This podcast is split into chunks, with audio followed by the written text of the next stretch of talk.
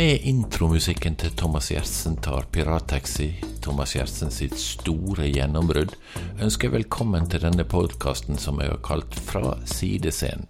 Den skal dreie seg om teater, revy og standup. Mitt navn er Knut Skodvin, men hvis du leter etter opplysninger om teateroppsetninger fra 80-, 90- og 2000-tallet på nettet, så sliter du. Det føles som om scenekunsten har forsvunnet i overgangen mellom den analoge og den digitale verden. Samtidig så var dette en usedvanlig rik periode med en framvekst av nye og forfriskende private teatersuksesser, og en uh, publikumstilstrømming uten like til institusjonsteatrene, dvs. Si de teatrene som er offentlig finansiert. Vel, tenkte jeg, dette kan jeg ha lyst til å dokumentere. Og hva blir da mer naturlig enn å starte med egen historie? Jeg har jobba som musiker, komponist og produsent både innenfor institusjonsteatret og det private.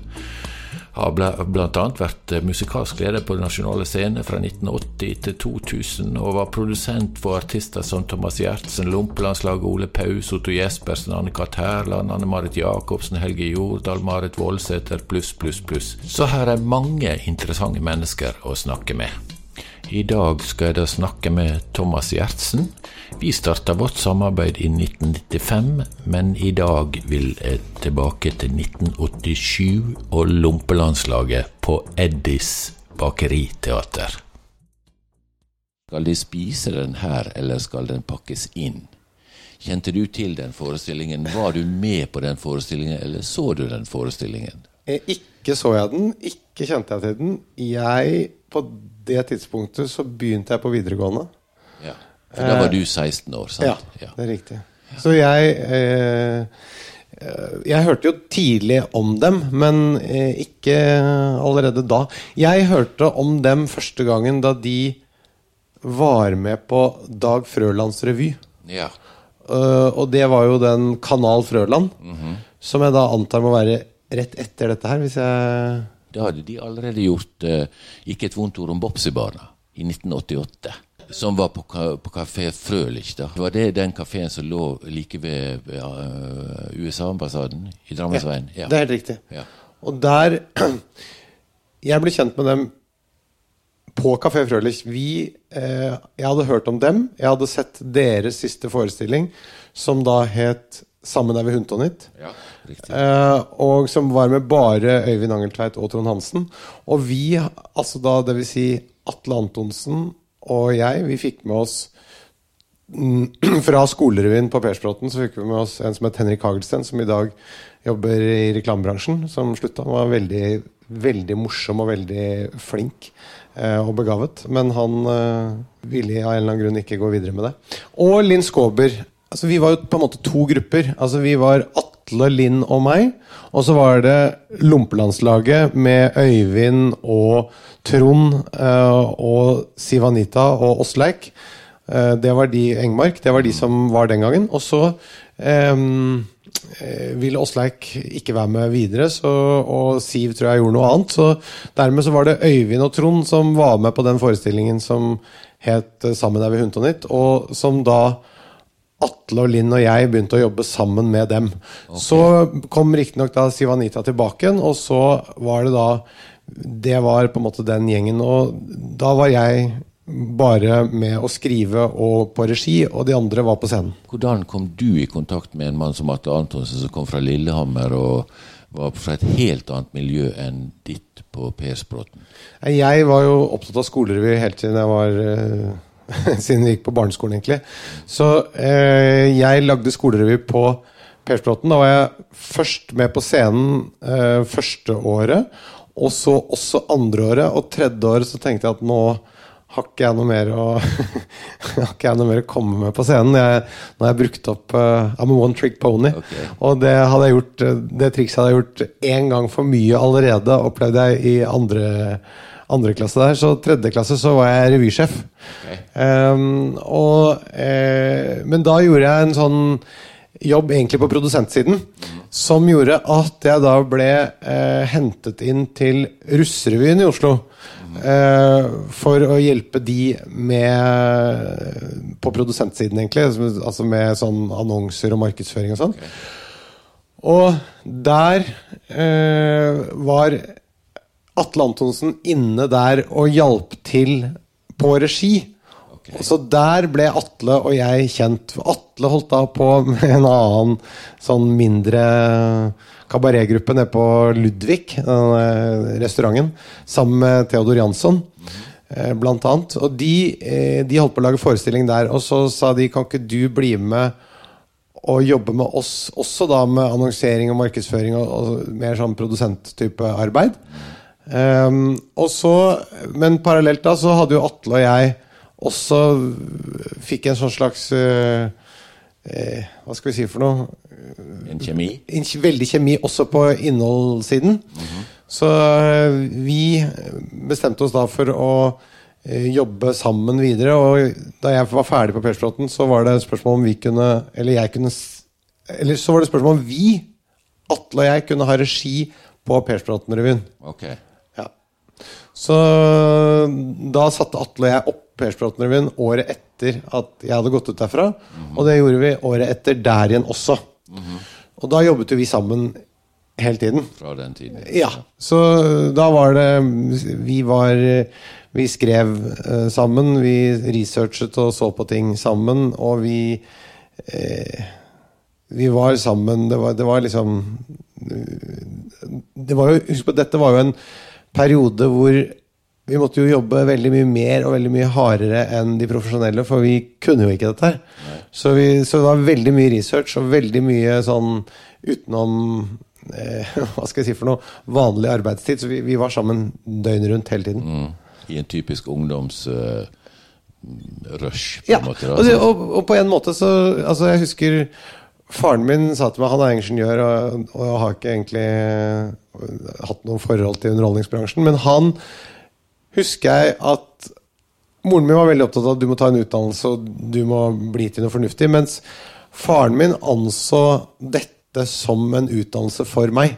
Han ok. sa det fins ingen skole sånn som jeg ser det, akkurat for det du sikter deg inn mot. Men jeg anser det du gjør nå, som en utdannelse. Eh, og dermed så var han på en måte veldig støttende i at jeg skulle fortsette på det. Han så at det var det jeg brant for, han så hvor mye jeg, tid jeg la ned i det, og at, eh, at jeg også da lærte en del, men da ikke gjennom en skole, men gjennom erfaring og egen research. eh, Jobb, ja. ja. Seinere så har jo du blitt opp, sett på som en type standuper. Men samtidig så har jo jeg opplevd deg som alltid en svoren fan av Dag Frøland. Som jo står for noe helt annet. Med, med sparkepiker og store det, det er jo nærmest litt fransk i, i formen. Ja, men det, det er jeg helt enig i. Og utgangspunktet mitt var teatret. Altså, jeg hadde ikke tenkt å drive med TV. Standup var ikke på kartet. Så egentlig så kan du godt si at det har jo blitt det jeg har jobbet med. Men min bakgrunn og min orientering var nettopp Dag Frøland, det var Ole Paus. Um, så, eh, og det var teater.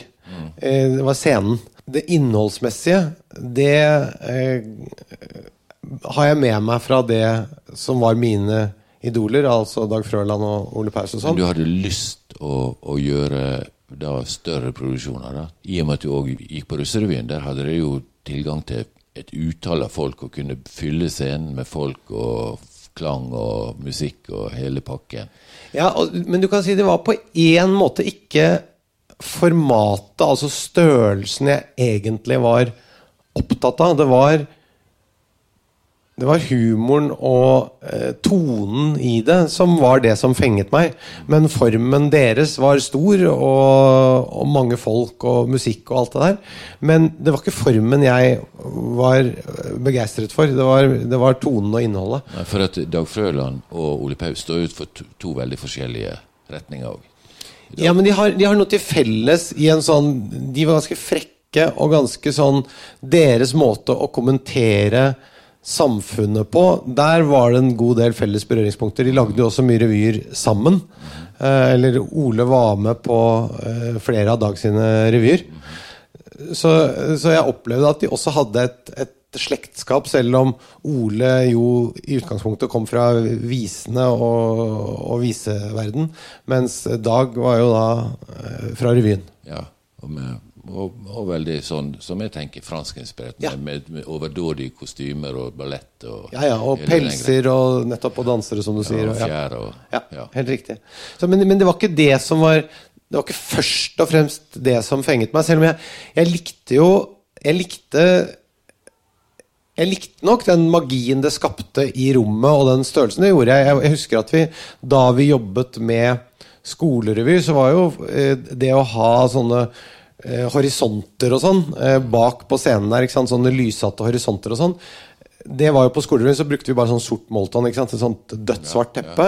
Mens det å kunne lage en sånn himmel for eksempel, av en bakgrunn og sånn, det syns jeg var fett. Så jeg husker jeg, Da vi lagde skolerevy, så husker jeg jeg ringte til Helly Hansen, eh, som kunne lage en sånn prismeduk. Og få spesiallaget det, og da måtte kjøre til Moss eller hvor det var de holdt til. Og få den prismeduken som vi da kunne lyssette, som spredde lyset veldig sånn jevnt for å lage en sånn eh, horisont og en himmel bak på skolerevyene. For det var det ingen skolerevyer som hadde. husker jeg synes det var dødskult. Så, sånn at eh, noe av det eh, likte jeg, men det var først og fremst tonen, da. ja, jeg skjønner. Og humoren. Mm. Ja. Kanal Frøland var jo Dag Frølands siste revy. Ja, det var 89, og jeg ja. gikk ut av videregående i 1990. 1990. ja. så lagde vi da to Persbråten-revyer fra 1991 til 1992. Atle.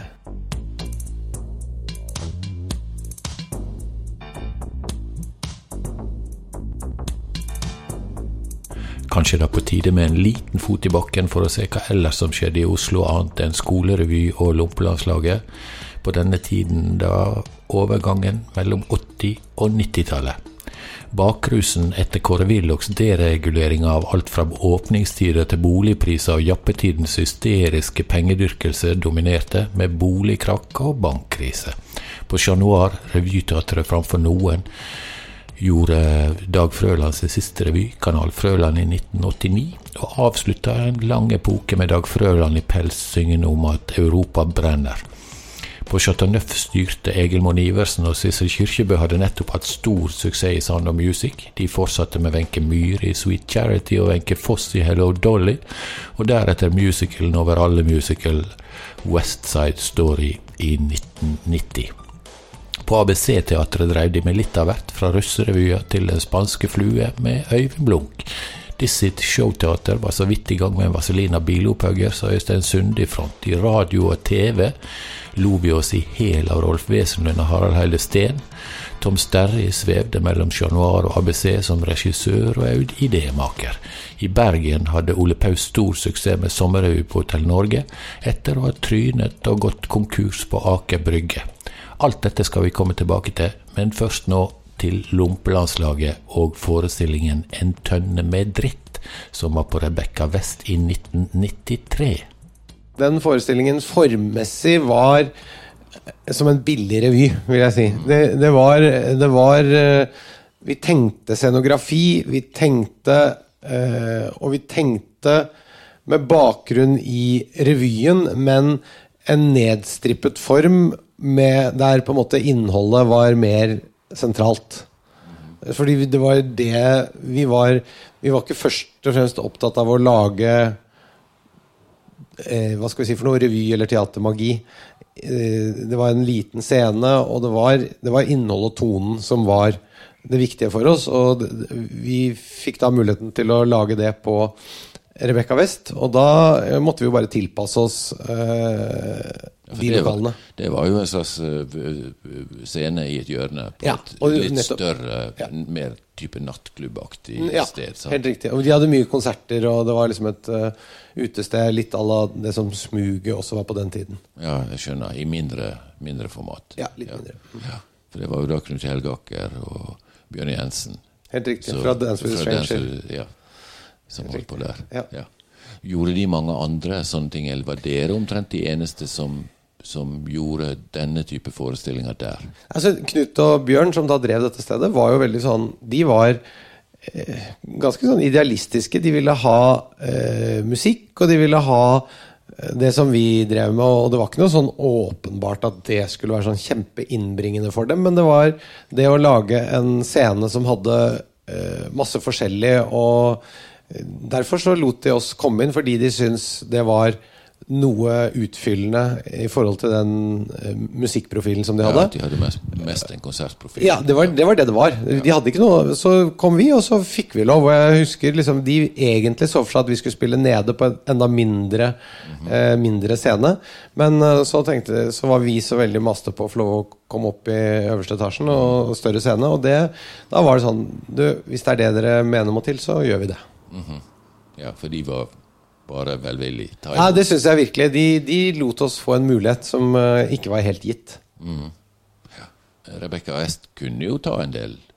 Ja, ja, det, det absolutt. Der kunne det være litt flere. Så um, Men jeg, eh, på det tidspunktet, så var jo Jeg var opptatt av å ha regi og skrive, og det var jo også nettopp fordi at dette var før vi hadde begynt med standup, og før egentlig noen av oss kjente til det. Så jeg anså meg som, som tekstforfatter og regissør, eh, bare. Hva som gjorde at du fikk at du tok skrittet over og ble med på scenen i Fire voksne herrer? da? Her inn med en liten fotnote. Her snakker vi om forestillingen Fire voksne herrer preiker bullshit, også på Rebekka West i 1994, som på mange måter også ble et lite gjennombrudd for Lompelandslaget.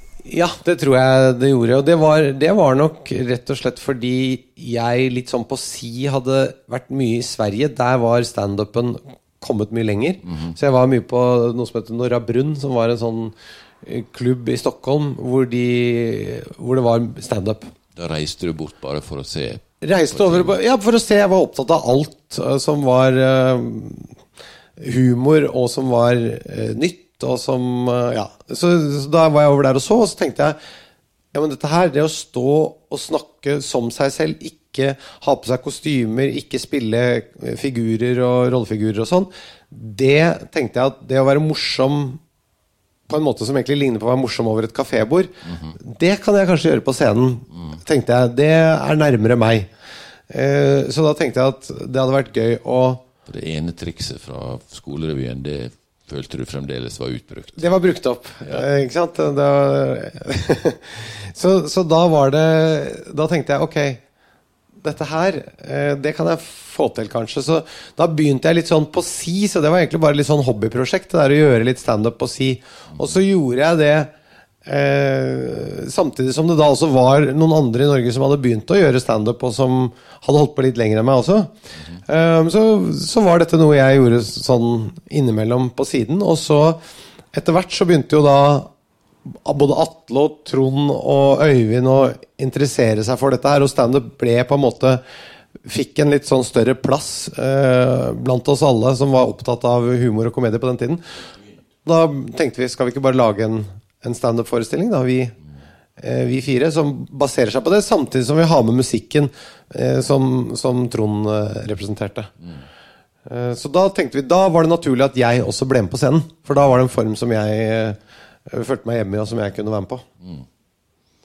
Men for meg har det aldri vært så innmari viktig Altså, jeg var veldig opptatt av å jobbe med teater og humor og komedie. Men det var ikke så avgjørende hvilken rolle jeg hadde. Jeg var, trivdes veldig godt med å ha regi. Jeg trivdes godt med å skrive. Og jeg syntes det var gøy å stå på scenen, men det var ikke avgjørende. Nei. Så det var egentlig bare hva, hva passer prosjektet best. Jeg hadde også litt sånn uh, angst for å stå på scenen. Ja da, men det har du vel fremdeles Det, ja, han er litt mindre nå, men jeg har hatt mye av det, ja. Det er riktig. det.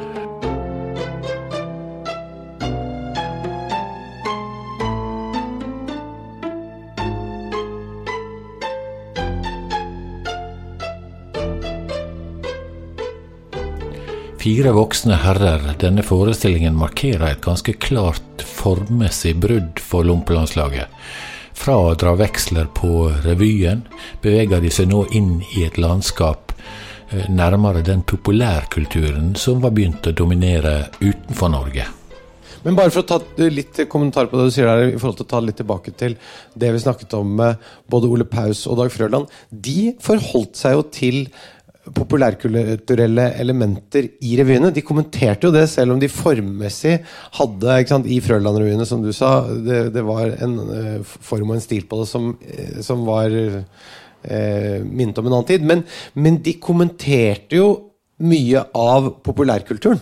De kommenterte politikere, de kommenterte et eller annet sted mellom sånn samfunn, politikk og underholdning.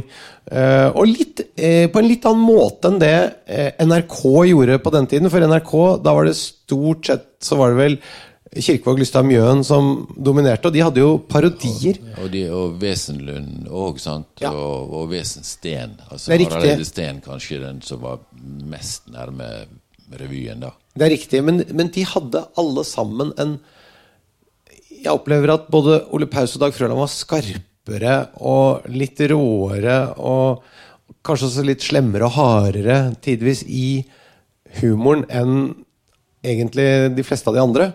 Uh, og som Chat Noir-revyene på den tiden hadde jo en sånn funksjon at jeg tror alle visste hvem det var som ble parodiert på Chat Noir. Sånn at det, det, ble, det, var en mye mer sentral ting, på samme måte som talkshowene og humoren senere ble liksom toneangivende for en, eller en toneangivende samtidskommentar. Så hadde faktisk da revyene på Chat Noir, er min påstand, en del av den samme funksjonen i en periode på 80-tallet. På 80-tallet så, så, fikk du jo anmeldelse i absolutt alle aviser hver gang du trådde ut på en scene av en viss størrelse. Absolutt, det, og, det, det, og, det, var med, så Jeg er helt enig i at det er summen av krefter. Poenget var bare at det, det er noe interessant med at TV er jo et massemedium og kan bare sende ut rett hjem i stua. Og allikevel så ble ikke TV så overlegent den revyscenen som det kunne vært på 80-tallet. Nei, men da var det jo bare én kanal. Og så kom i 92 kom TV 2. Sant? Absolutt. Som, så, men det er bare interessant at ikke Det måtte mer til enn TV, da med NRK-monopol. Det måtte til TV og kommersielt TV før på en måte TV virkelig På samme måte som uh, Chat Noir-revyene var sentrale på 80-tallet. Ja. Til tross for at man da også hadde TV og hadde muligheten, men da under et NRK-monopol. Ja, for hvis du tenker på de store kjendisene nå er det jo sånn at hvis ikke, du, hvis ikke du har vært på TV, så kan, du, kan du nesten ikke lage en karriere. Mm. Mens nei, nei. på den tiden så kunne man utmerka godt ha en stor og god karriere uten å vise seg på TV overhodet. Ja, det var jo til og med uh, strategisk nettopp det å ikke eksponere seg for mye på TV, var det jo mange av dem som var veldig opptatt av også. Mm, mm.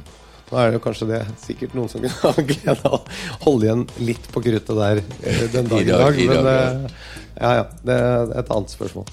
Men så over da til 1995, for da eh, var det jo Ole Pause tipsa meg om, om Lompelandslaget, og jeg inviterte deg å ha regien på dette.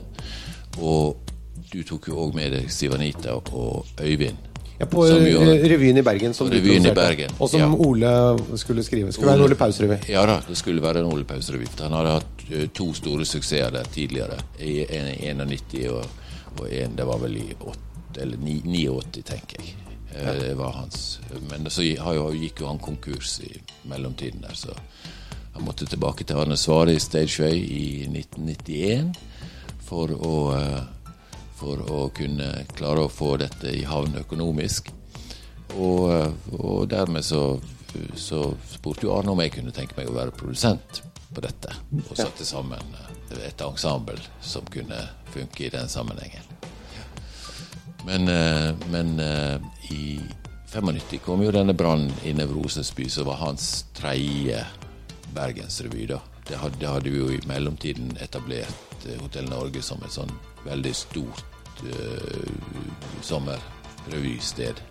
Og, og, for meg var jo det et uh, hva skal vi si for noe stort og halsbrekkende prosjekt. Det, det var uh, på den ene siden helt forferdelig i form av at jeg syntes det var en enormt stor og krevende oppgave ja. som jeg følte var altfor stor for meg. Så jeg følte meg veldig sånn maktesløs etter hvert ute der. Og på den andre siden kom ut av det vårt samarbeid, som jo selvfølgelig, som du vet, har vært fantastisk. Så, så eh, prisen eh, var høy, og utkommet var stort. Men jeg har jo ikke følelsen av underveis i revyen at du famler og og hva følte deg maktesløs da? Var det kanskje mest på forhånd, eller var det òg i arbeidsprosessen? Det var dels i arbeidsprosessen, nettopp fordi jeg følte at vi skulle opp i, på en større scene og Som jeg sa til deg, jeg hadde ikke Jeg hadde brukt tiden min mer på tone og humor enn på, på form. Så jeg husker at jeg, det var mange ting jeg ikke hadde tatt stilling til og måtte forholde meg til av eh, kostymespørsmål og scenografispørsmål. Det for meg å komme og ha møte med en scenograf da eh, var veldig sånn Det er noe vi bare fikser mot slutten når vi ser hva vi trenger. Det var ikke legge en helhetlig konseptuell plan og sånn. På den tiden var det Husk på hvor, da var Det liksom Det var ikke mange årene etter at jeg var ferdig på videregående. dette her Det var jo uavklart da vi begynte om Ole skulle på scenen selv eller ikke. Ja. Og eh, så eh, ville jo ikke han det etter hvert. Eh, men eh, foreslo da at jeg skulle på scenen og ha en sånn type funksjon han, som han hadde hatt, i den forstand at han hadde liksom bundet sammen de revyene med da prat og viser. eh, Og sånn humoristiske Så da tenkte vel han at standup kunne delvis fylle den funksjonen, eh, som jeg kunne da gjøre. Men eh, jeg følte jo da at både det å skulle være Jeg hadde hendene fulle med å sette opp noe i det formatet. Og så i tillegg være enormt nervøs på egne vegne. Ha kort tid frem til mål. Husker, altså Den premieren, Knut, det, det var helt jævlig. Jeg synes Det var helt forferdelig. Jeg sto der, jeg husker det svartna for meg. Jeg følte at jeg ikke hadde kontroll. Det, altså, For meg, det var som å være på et stort hav midt på natta med dødshøye bølger og masse vind, og ante ikke opp ned på noen ting. Det jeg var helt jævlig. Men for dette, dette har jo noe med Ole sin måte å jobbe på, da, når du liksom er avhengig av hans tekster, for de kommer jo ofte veldig, veldig seint. Det er riktig. Og han utsetter jo til aller siste øyeblikk. Men samtidig så var det jo liksom unge, friske folk eh, på scenen der som, som jo eh, Ja, det, det, vanlige, det vanlige koket foran en, en premiere. Det var noen anmeldere som fikk med seg at jeg opplevde det sånn. Og ble, det var jo ikke akkurat oppmuntring og sånn Ja, ja, det var kanskje ikke så greit denne gangen. Det var ikke det de skrev. Nei, nei. Eh, Det var en ganske klar beskjed om at jeg aldri måtte vise meg på en scene igjen noen gang. I hvert fall ikke hvis det skulle spilles teater der, som det sto. Så eh, nei, dette husker ikke jeg. Husker du ikke det? Nei, nei. Ja, det husker jeg veldig men det, godt. Men det er noe med hvor fokuset er hen. Nettopp, det er helt riktig. Nei, jeg, jeg husker at jeg syntes det var helt eh, Altså, det var eh, Åh, nei, det, jeg kjenner i kroppen ennå hvor heftig det er. For det, det betydde så mye for meg. Jeg, jeg var vel på den tiden jeg hadde begynt liksom å innse at det, det er ikke noe annet i livet jeg kan. Eller jeg har ikke noen inspirasjon til noe annet. Det kan godt hende at jeg kan få til noe annet, men jeg er ikke inspirert. Jeg, dette er det jeg brenner for. Dette er det jeg vil drive med. Og når du da føler at du møter veggen så kraftig, eller får en sånn enorm flodbølge skyllende over deg, så blir du veldig sånn redd grunnleggende Eller jeg blir det. Jeg blir veldig redd for Kan jeg drive med dette her? Er dette noe uh, Dette går jo ikke. Eh, jeg makter ikke. Så uh, jeg, jeg ble veldig, veldig redd og veldig Nei, det var, det var Så kom det seg jo ganske fort opp. Og sett utenifra så kan jeg godt forstå at Eller jeg skjønner jo på deg at dette ikke har gjort det samme inntrykket. Nei, for jeg var, jo vant til det koket. Ja. Og jeg følte jo at eh, altså, den forrige revyen som gjorde med Ole, var vel så kaotisk mot slutten. Og da hadde vi jo en Bent M. Baastad som skulle ha regi, liksom. Sant? Og, og, så jeg følte jo at det, ja, det, det var mye morsommere ideer på en måte på dette, og mye mer, det var mye freshere. Sant? Og den store pikken som vi lagde, så Øyvind gikk rundt i, sant? som jo ble nærmest en ikon etter hvert. Sant? Altså, Han kledde seg som en penis. Det ja, ja da, og Indrani Balgobin, som hadde scenografi og kostymer. Sant? Altså, hun uh, kjørte jo på og sydde i vei og lagde jo et fantastisk kostyme. Jeg husker jo vi, vi kjørte det, Jeg mener, det, det er kanskje ikke den aller mest vellykka, men, men det, var veldig, det var veldig mange gode, gode ting i den revyen der. Men, som var morsomme, og som, og som var òg scenisk frekke. Men du må huske, her, her, hører du egentlig bare forskjellen på en erfaren sjømann og en førstereisgutt eh, som var, hadde reist eh, uten sjøsyketabletter. Ja, ja. Men jeg trodde jo jeg hadde kanskje gitt litt av den der at du trenger ikke være så jævlig redd. Ja, men det, det, det husker jeg Altså, jeg husker da vi Bare for å ta et annet tilsvarende eksempel. Da vi holdt på med Mandagsklubben og ble tatt av lufta også. Ja. Altså, jeg ble så grunnleggende redd ja, ja. for at nå er det slutt. Mm. Det går ikke. Dette Det er over. Og det, så den, den samme frykten var jo også her. Og jeg tror det er vanskelig å at du skulle kunne forberede meg på det, og det skulle føre til at jeg kunne ta det på en annen måte, det tror jeg ikke var mulig. Men det som selvfølgelig hjalp, var jo å ha noen i umiddelbar nærhet som man kan snakke med om det fortløpende, og som du ser at er roligere. Da vil du på en måte gradvis bygge opp en tålegrense, eller øke tålegrensen din. Så, det har jo selvfølgelig skjedd med årene, men, men men sånn grunnleggende sett så kommer jeg fra et veldig Hva skal vi si? Ja, Jeg husker jo bare den første telefonsamtalen vår. Hva? Hva tenker du på? oh, ja, hva var det for noe? Nei, om, om der du, De første spørsmålet ditt var når jeg ringte til deg, var jo er jeg moden for dette. da? Sant? Altså, Går dette an? Ja, nettopp. Ja. ja. ja. Nei, men eh, et, et glimt av selvinnsikt er i hvert fall uh... Ja. ja. For det, ikke, det er jo ikke så mange morsomme revyinstruktører. 90-tallet var jo en enorm omveltning i hele underholdningslivet.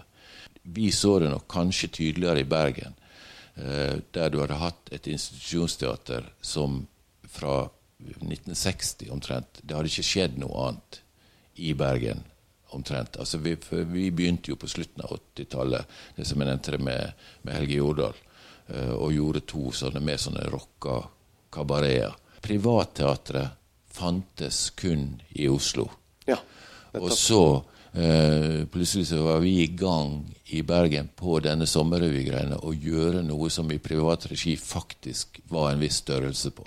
I Oslo så hadde det jo, har, man jo hatt en kontinuerlig eh, revyteater som har fungert på siden av det offentlig støtta teatret. Ja, og det var jo den revolusjonen som, som, på en måte gjorde veldig mye. At du plutselig kunne få folk som var interessert i, i, i ja, populærkultur, eh, popul ny teknikk, eh, hele det greiene som var på et helt annet nivå enn, en det som hadde vært tidligere. Lyd, eh, f.eks. så vokste jo muligheten til å bruke forsterka lyd fram på en helt annen måte på slutten av 80-tallet og 90-tallet. Så det, det, var jo en, både en teknisk revolusjon og en distribusjonsrevolusjon som skjedde. Ja, og bare for å si tiden. det, fordi at jeg skjønner jo altså Det kan godt høres litt sånn rart ut at folk skulle komme fordi de var interessert i lyd. De, jeg tror ikke de kommer for det, men jeg tror effekten av å endre lydbildet på den måten ha, har masse å si. Det er jeg helt enig i. Jeg jo, tenker jo på det hvordan det å ha lyden riktig på en standup-forestilling har enormt mye å si for hvordan du rett og slett får over poengene. Det å få trøkket det og få, få, truffet publikum på en helt annen måte. For Tidligere så måtte Arve Oppsal skrike for å nå siste benk. Ja, men da var det Mens med, med, et moderne lyd så kan du plutselig hviske, og de hører det godt på siste benk. Så du får et helt annet uttrykksregister å bevege deg innafor. Og med den stemmeprakten til Arve Oppsal, så skjønner du hvorfor han var alene på banen. ja, Før da mikrofonen kom og uh, utsatte ham for konkurranse. Ja kan du si noe om Dette var jo òg sånn en sak på 90-tallet. Jeg husker ikke akkurat hvor tid det var. Det med Arve Oppstad som var blitt uh, syk og dårlig, og det var snakk om uh, helsemessige greier. Og det var snakk om amputering av en fot og noe greier. og var, husker du noe ja, av det? Ja, det var en vits. Det var, det var egentlig en sånn Jeg tror det var liksom Det gikk litt sport artig å være drøy og kald og smakløs. Mm. Eh, og ha en eller annen sånn kynisme i tonen. Og så var det vel en vits fra Kristoffer Schou som var i, som han hadde i Mandagsklubben, tror jeg. Okay. Eh, som, eh, men som jeg ikke egentlig tror var noe slemt ment. Men det var, eh, men det var eh, Den var ganske sånn hard. Og da husker jeg at Arve Oppsal selv reagerte vel eh, på det. Eh, nå hadde jo Arve Oppsal for så vidt representert en ganske sånn eh, frisk tone i de Frøland-revyene. Svært. Eh, Han var mye full mann på benk. ja, og ganske sånn rå, og, og de, de de var de salteste monologene i Frøland-revyene, stort sett. Det var det, var det Arve Oppsal gjorde. Og så var jo dette bare da ett knepp opp fordi det var en ny generasjon og en litt annen eh, vri på det. Så man flyttet vel liksom grensen noe. Så, men eh, jeg tror ikke det egentlig var noe vondt ment heller. Før vi forlater eh, Brann i Nevro- Nevrosenes by, så må jo nesten eh, innom Rolf Berntsen. La oss holde på de gamle òg. Altså, la, la oss på en måte vise at de syns det er stas med dette nye. Og Rolf var jo en sånn mann med et veldig åpent sinn, og elska jo å stå på scenen. Og så husker jeg vi hadde lyst til å få han med i revyen. Jeg snakket mye med Rolf den våren der for å, for å få han til. Men så var han så, var holdt han på med masse sånn tannskifting og implantater og alt mulig sånn som han holdt på med. Så han var så redd for at det skulle skje noe, og at han ikke skulle uttrykke seg skikkelig, at han skulle få suselyd på s-ene og hva som helst. Sant? Så han torde jo ikke være med. Men vi inviterte han jo da som æresgjest på, på premieren, og vi hadde trykt opp masker til alle publikum, så de satt en, en eh, sal full av uh, Maske med, med ansiktet til Rolf Berntsen, sånn at når publikum da fikk beskjed om å ta under stolsetet, så var det da limt fast en Rolf Berntsen-maske, som var da et, egentlig bare et foto av hans ansikt, men da med hull til øyne og munn, og så en sånn liten pinne til å holde på. Eller en strikk bak hodet, var det vel? Jeg husker ikke. En pinne. Ja, og så, kunne, og så skulle da folk holde den opp og kunne få lov til å føle hvor flott det var å være Rolf Berntsen for et lite øyeblikk. Og den ene som da ikke trengte maske i det hele tatt, han reiste seg opp fra, på første benk og viste seg for hele Snudde seg til hele salen, og så var det sånn at publikum skulle få lov å hilse på hverandre da, men da som Rolf Berntsen. Ja, med en litt ironisk undertone, men, men samtidig så var det på en måte et sånn uttrykk for at det er stas å gjøre stas på Ja, det var begge deler. Ja. Det, det var øh, Ja. ja. Han var jo et ikon i Bergen. Sant? Men var, Ole skrev jo en veldig morsom tekst på det, og den var jo Den hadde akkurat den der tosidigheten i seg da, som gjorde at det kilte litt i magen. For det var en sånn blanding av eh, men, eh, men, men det skal sies at Rolf Berntsen, som vel var mer som en Wenche Foss-type av legning, Yes. hans måte å ta det på gjorde også at det ble mer hyggelig og gøy enn ikke sant? Nettopp. At da ble det ikke noe vondt eller ubehagelig. For hvis det hadde vært stivt Hvis det f.eks. hadde vært Jonas Gahr Støre, og han hadde stått der nede med høye skuldre, så kunne det kanskje blitt eh, litt mindre hyggelig og føles litt kaldere, eh, den spøken. Men Rolf var jo med på spøken. Definitivt. Han visste jo alt dette. Definitivt. Og, og, og nettopp, og da det, det sier jo ganske mye hvordan det da kommer over som noe som er hyggelig, som du kan le av, og så er hyggelig for han, og så er hyggelig for publikum, fremfor at du ler litt av det, men du får litt vondt i magen, og det blir litt ubehagelig, og det kommer ut eh, et eller annet sted på minussiden totalt sett, selv om du har ledd. Men er ikke det veldig mye av øh, karakteren til standup-greien, det at du skal bevege deg på den grensa der? Ja, altså det, å, det, å, det å holde på rundt de grensene her syns jeg jo er absolutt interessant. Hvis du er også politiker i dag, og hvordan du skal på en måte nå ut til folk. Hvis du har en avvæpnende og upretensiøs stil, så tror jeg liksom Da kommer vel budskapet ditt Det når jo lenger, da.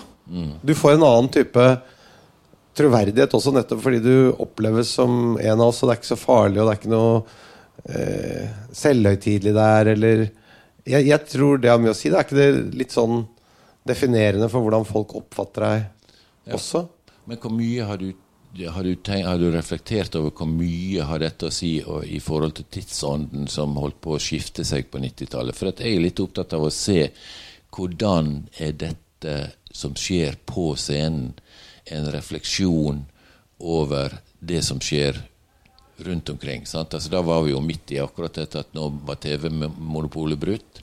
Eh, de private kunne komme inn på scenen på en helt annen måte. Det begynte plutselig å blomstre. Masse små klubber og sånn. Var jo allerede var jo på en måte i emning eh, rundt eh, 1995. Og vi snakka om du, Dere hadde gjort deres standup-forestilling eh, 'Fire voksne herrer preker bullshit'.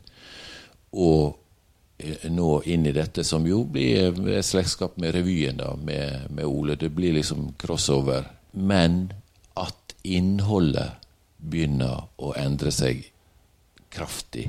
For dette husker jeg f.eks. For i forhold til den diskusjonen som var rundt Arve Oppsal. For han mente jo han sjøl hadde vært standuper i, i sin egen revykarriere. Men han spilte, gikk, var jo alltid i karakter. Mens en standuper står den, den, karakteren han er, er jo seg sjøl. Altså det offentlige bildet av seg sjøl. Mm. Ikke nødvendigvis at du har alle sider av personligheten, men han snakka som seg sjøl. Og det brukte jo du Hvis du ser på noe av det som skjedde, var jo det Bård og Harald f.eks. gjorde på TV, var jo å være selvspillere. Mm. Altså det å spille seg selv. Vi satt med en følelse av at noe av den inderligheten der folk sto frem og var seg selv med en inderlighet, det var også en rolle.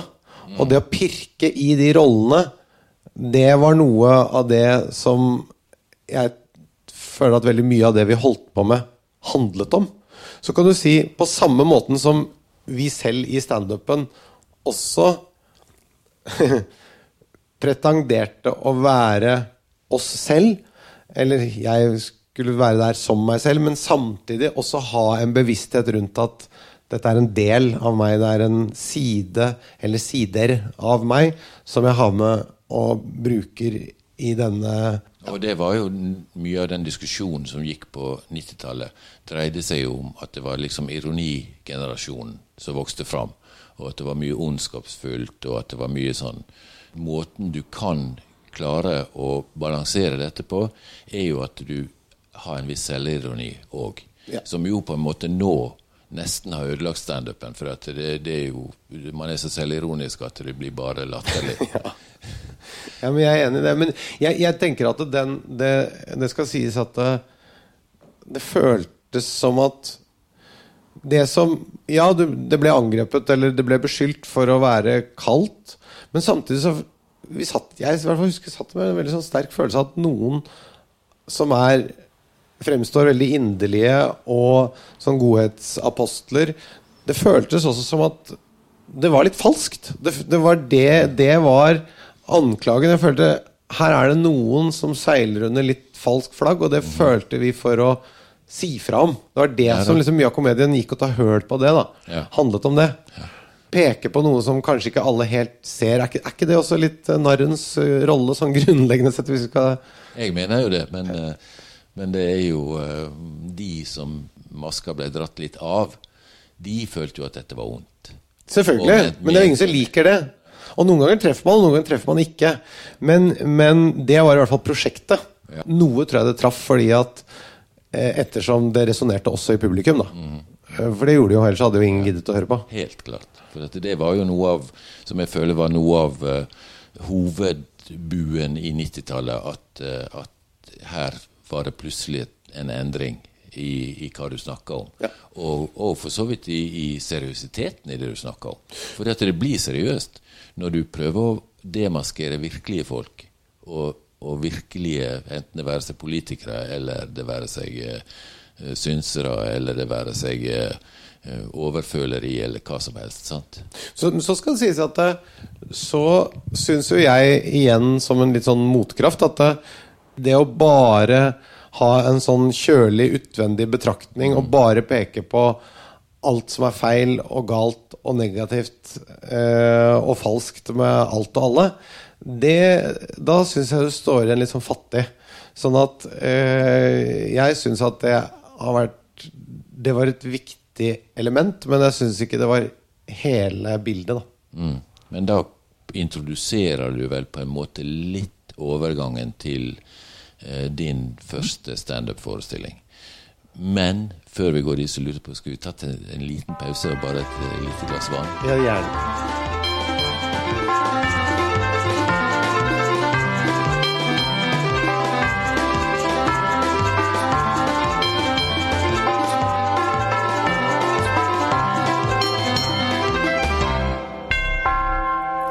Fortsettelse følger. Når det gjelder opphavsrettigheter og den slags, så er all musikk som dere har hørt, spilt av meg og lagd av meg, Knut Skodvin, med unntak av akkurat skipsklokkens klang, da, men den var også spilt av meg. Men eh, takk for at du hører på, og velkommen tilbake.